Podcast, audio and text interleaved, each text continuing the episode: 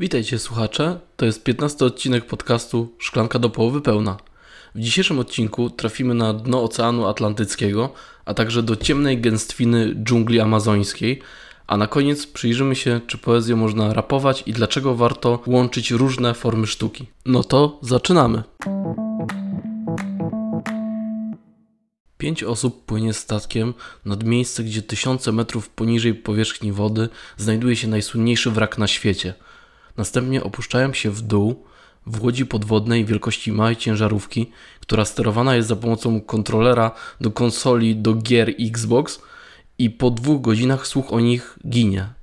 A wyprawa, która miała być dla bogatych ludzi niezwykłą rozrywką, stała się walką o przetrwanie. Czy to scenariusz nowego horroru klasy B? Nie. To smutna rzeczywistość, a walka o przetrwanie trwa. Jak poinformowała we wtorek 20 czerwca 2023 roku Polska Agencja Prasowa, szacunkowo załodze badyskafu Titan zostało zapasu tlenu na około 40 godzin. Taki przedział czasowy pozwalający na uratowanie załogi zakreślił przedstawiciel Straży Wybrzeża USA, kapitan Jamie Frederick, podczas konferencji prasowej w sprawie prowadzonej przez Stany Zjednoczone oraz Kanadę akcji ratunkowej. Kapitan podkreślił, że dotychczasowe poszukiwania nie przyniosły rezultatów. A czym tak właściwie jest łódź podwodna Titan? Do czego służy i kto może korzystać z jej możliwości? Łódź ta jest turystycznym batyskafem, który zabierał na swój pokład bogatych pasażerów chcących na własne oczy zobaczyć najsłynniejszy wrak statku na świecie, czyli Titanica. Sama ekspedycja miała trwać około 8 godzin, jednak w przypadku tej wyprawy kontakt z łodzią urwał się już po niecałych dwóch godzinach od zanurzenia w łodzi. W chwili obecnej trwa zakrojona na szeroką skalę akcja ratunkowa prowadzona przez agencje rządowe USA i Kanady, marynarki wojenne obu krajów, a nawet komercyjne firmy głębinowe. Jak myślicie, kogo stać na wyprawę na dno oceanu, żeby pooglądać sobie dla rozrywki y, pokład Titanica? Pokrótce opowiem Wam o tym, kto wsiadł na pokład Titana. Pierwszym załogantem był Hamish Harding, czyli 58-letni brytyjski poszukiwacz przygód prowadzący firmę Action Aviation, czyli przedstawicielstwo prywatnych odrzutowców z siedzibą w Dubaju. Ma on na swoim koncie kilka wyczynów eksploracyjnych. Wielokrotnie chociażby odwiedzał biegun południowy, raz nawet z byłym astronautą Bazem Aldrinem i poleciał w kosmos w 2022 roku na pokładzie piątego lotu z załogą Blue Origin. Jest również w posiadaniu trzech rekordów Guinnessa, w tym za najdłuższy czas spędzony na pełnej głębokości oceanu podczas nurkowania do najgłębszej części rowu mariańskiego. W wywiadzie, którego udzielił dla Business Aviation Magazine, powiedział, że nurkowanie w pobliżu wraku Titanica miało odbyć się już w czerwcu 2022 roku, ale zostało opóźnione, ponieważ, cytuję, okręt podwodny został uszkodzony podczas poprzedniego nurkowania. Dodał w tym wywiadzie także, że w zdarzeniu tym nikt nie został ranny. Zapytany natomiast o swoją nieodparną chęć eksploracji świata, powiedział: Moim zdaniem, to ryzyko, które podejmujemy, jest dobrze skalkulowane i zrozumiane jeszcze przed naszą wyprawą. Jak widać, nie do końca było to skalkulowane. A kolejnym pasażerem feralnego rejsu był brytyjski 48-letni biznesmen Shazada Dawood, pochodzący z jednej z najbogatszych rodzin w Pakistanie. Podróżował łodzią ze swoim synem Sulejmanem, który jest 19-letnim studentem.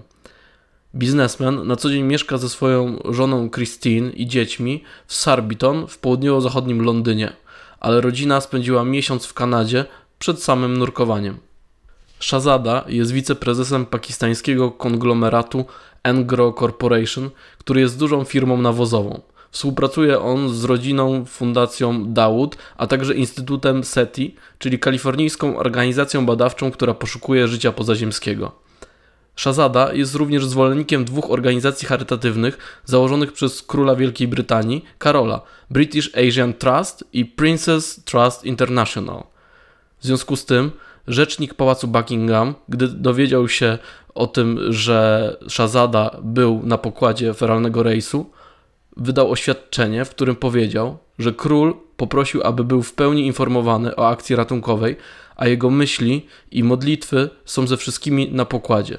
W oświadczeniu rodzina Szazady powiedziała, że jest on zainteresowany eksploracją różnych naturalnych siedlisk i wcześniej przemawiał zarówno w ONZ, jak i Oxford Union. W oświadczeniu rodziny opisano 19-letniego syna Shazady, Sulejmana Daud, jako wielkiego fana literatury science fiction i uczenia się nowych rzeczy, który interesuje się kostkami Rubika i gra w siatkówkę. Oby miał okazję jeszcze pograć. Kolejnym uczestnikiem wyprawy był Paul Henry Nargolet, czyli 77-letni były nurek francuskiej marynarki wojennej. Nazywany panem Titanikiem, podobno spędził więcej czasu na wraku niż jakikolwiek inny odkrywca i był częścią pierwszej wyprawy, która odwiedziła Titanic w 1987 roku, zaledwie dwa lata po znalezieniu. 77-latek jest dyrektorem badań podwodnych w firmie, która jest właścicielem praw do wraku Titanica. Zgodnie z profilem firmy, pan Nargolet nadzorował odzyskanie tysięcy artefaktów z Titanica, w tym tak zwanego dużego kawałka, czyli ponad 20-tonowej sekcji kadłuba łodzi. Podobno pan Nargolet, na krótko przed wejściem na pokład łodzi podwodnej, powiedział, że nie może już się doczekać przyszłorocznej ekspedycji w celu odzyskiwania kolejnych przedmiotów z wraku Titanica. A ostatnim załogantem jest 61-letni Stockton Rush, czyli dyrektor naczelny Ocean's Gate, firmy obsługującej rejsy na dno Oceanu Atlantyckiego, która oprowadzała ludzi po dnie oceanu, aby ci mogli oglądać Titanica z bliska. Jest on doświadczonym inżynierem, który wcześniej projektował eksperymentalny samolot i pracował nad innymi małymi jednostkami podwodnymi. Pan Rush założył firmę w 2009 roku, oferując klientom szansę na doświadczenie podróży dalekomorskich i trafił na pierwsze strony gazet na całym świecie w 2021 roku, kiedy zaczął oferować wycieczki na miejsce wraku Titanica. I teraz szokująca informacja, czyli cena takiej rozrywki. Za bagatela 250 tysięcy dolarów lub 195 600 funtów firma pana Rasha oferuje pasażerom możliwość zobaczenia z bliska pozostałości słynnego statku.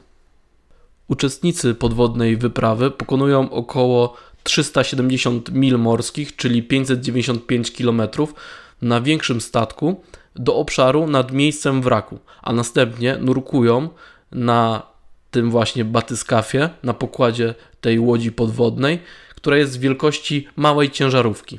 W rozmowie z New York Times w 2022 roku pan Rush bronił modelu biznesowego i powiedział, że cena biletu to tylko ułamek kosztów lotów w kosmos, a zdobycie takich statków i wyruszenie na miejsce, gdzie leży wrak, jest dla nich bardzo drogie. Artykuł z 2017 roku, napisany dla strony internetowej Princeton University, gdzie studiował, donosi, że pan Rush bierze udział w każdym nurkowaniu w Ocean's Gate. Teraz wiecie już, kto znajduje się na pokładzie łodzi. Ale jak tak naprawdę czują się ci załoganci, jeżeli w ogóle jeszcze żyją? O tym opowie nam korespondent CBS David Pouch.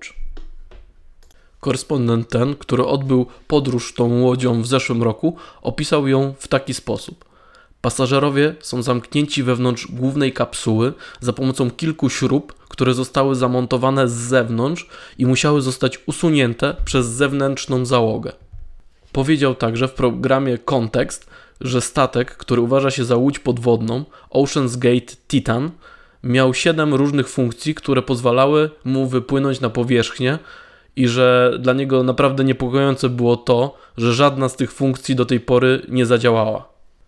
Jednak pan Pouch powiedział także, że możliwości wynurzenia statku byłyby nieistotne w takiej sytuacji, gdyby łódź podwodna została uwięziona lub nastąpiłaby w niej nieszczelność, bo wtedy i tak nie byłoby szansu na ratunek. I tutaj powiedział, że tam nie ma kopii zapasowej, nie ma kapsuły ratunkowej. Jeżeli nie dostaniesz się na powierzchnię, po prostu zginiesz. Mike Rice Scenarzysta komedii telewizyjnych, który pracował na The Simpsons, także odbył podróż w zeszłym roku i powiedział, że nie jest optymistą, jeżeli chodzi o akcję ratunkową. Miał powiedzieć: Znam logistykę tego i wiem, jak rozległy jest ocean, a także jak mały jest ten statek. Jeśli jest tam na dole, nie wiem, jak ktokolwiek mógłby uzyskać do niego dostęp, a tym bardziej przywrócić go z powrotem, dodał. Powiedział również, że komunikacja została utracona podczas wszystkich trzech jego nurkowań, w tym tym, które dotarło do wraku Titanica. Według US Coast Guard ratownicy ścigają się z czasem, aby zlokalizować zaginioną łódź, która normalnie zawiera tlen na około 4 dni dla pięcioosobowej załogi. Ale dalszą komplikacją misji ratunkowej jest fakt, że GPS nie działa pod wodą, podobnie jak radio, co oznacza, że obecnie nie ma możliwości komunikowania się ze statkiem. Kiedy statek wsparcia znajduje się bezpośrednio nad łodzią podwodną, mogą wysyłać do siebie krótkie wiadomości tekstowe tam i z powrotem. Najwyraźniej nie otrzymują już odpowiedzi, powiedział Polk, dodając, że Titan zaginął na około 3 godziny podczas wyprawy, którą odbył w zeszłym roku. Opisał, że początkowo wahał się, czy w ogóle wejść na pokład tej łodzi podwodnej, ponieważ niektóre komponenty pojawiały się tak, jakby były zaimprowizowane przez firmę. Sterujesz tą łodzią podwodną za pomocą kontrolera gier Xbox, a część balastu to proste rury konstrukcyjne. Podsumowując, drogie słuchaczki, drodzy słuchacze, sytuacja tych załogantów, którzy miejmy nadzieję, że jeszcze żyją i przebywają na dnie Oceanu Atlantyckiego jest bardzo poważna i istnieje nikła szansa na to, że uda się ich wydostać żywych. Jednak nadzieja umiera ostatnia i zgodnie z ideą tego podcastu wierzę, że tych rozbitków uda się jeszcze uratować. A Titan nie dołączy do Titanica jako kolejny niezatapialny cud techniki na dnie Oceanu Atlantyckiego. A drugim tematem dzisiejszego odcinka będzie historia dzieci, które przeżyły 40 dni samotnie wędrując po kolumbijskiej części amazońskiej dżungli. W środku nocy, w sercu kolumbijskiej dżungli, wojskowe radioodbiorniki ożyły wiadomością, o którą modlił się od kilku dni cały kolumbijski naród. Cud, cud, cud! Zdało się krzyczeć z radioodbiornika. Wojskowy przekaz radiowy poinformował, że czworo zaginionych dzieci, które od 40 dni przebywały w dżungli, zostało odnalezione i wszystkie z nich były żywe. Młodzi ludzie, będący członkami rdzennej ludności Huitoto, zaginęli w momencie, gdy mały samolot, którym podróżowali, rozbił się w Amazonii we wczesnych godzinach 1 maja 2023 roku. W katastrofie lotniczej zginęła matka, a jej dzieci w wieku 13, 9, 4 i 1 roku zostały same na obszarze pełnym niebezpieczeństw, takich jak węże, jaguary czy komary. Ratownicy początkowo obawiali się najgorszego, ale ślady stóp, częściowo zjedzone dzikie owoce i inne wskazówki wkrótce dały im nadzieję, że dzieci mogą żyć po opuszczeniu miejsca katastrofy w poszukiwaniu pomocy. Przez następne sześć tygodni dzieci walczyły z różnymi żywiołami i przeciwnościami losu, co prezydent Kolumbii Gustavo Petro nazwał przykładem całkowitego przetrwania, który pozostanie w historii jeśli kiedykolwiek istniały dzieci dobrze przygotowane do zmierzenia się z taką przygodą, to właśnie rodzina Mukutuj. Mieszkańcy Huitoto od najmłodszych lat uczą się bowiem polowania, łowienia ryb i zbieractwa, a ich dziadek Fidencino Valencia powiedział dziennikarzom, że najstarsze dzieci, czyli Leslie i Soleini, dobrze znały dżunglę. W rozmowie z kolumbijskimi mediami ciotka dzieci, Damrys Mukutuj, powiedziała, że rodzina regularnie grała w grę o tak zwane przetrwanie. Kiedy graliśmy, rozbijaliśmy się na małe obozy, wspomina. Trzynastoletnia Leslie dodała: Wiedziałam, jakich owoców nie mogę jeść, bo w lesie jest wiele trujących owoców. Wiedziałam także, jak opiekować się dzieckiem. Po katastrofie Leslie zbudowała prowizoryczne schronienia z gałęzi połączonych gumkami do włosów. Odzyskała także farina, czyli rodzaj mąki z manioku, z wraku samolotu, którym podróżowali. Dzieci przeżyły na tej mące, dopóki się nie skończyła, a potem jadły nasiona, powiedział dziennikarzom Edwin Paki, jeden z rdzennych przywódców, który brał udział w poszukiwaniach. Istnieje taki owoc, podobny do marakui, zwany awikure, powiedział. Szukali nasion do zjedzenia z drzewa awikure około 1,5 kilometra od miejsca katastrofy lotniczej. Owoc drzewa awikure, zwanego też drzewem mlecznym, jest bogaty w cukier, a jego nasiona można rzucić jak gumę do rzucia.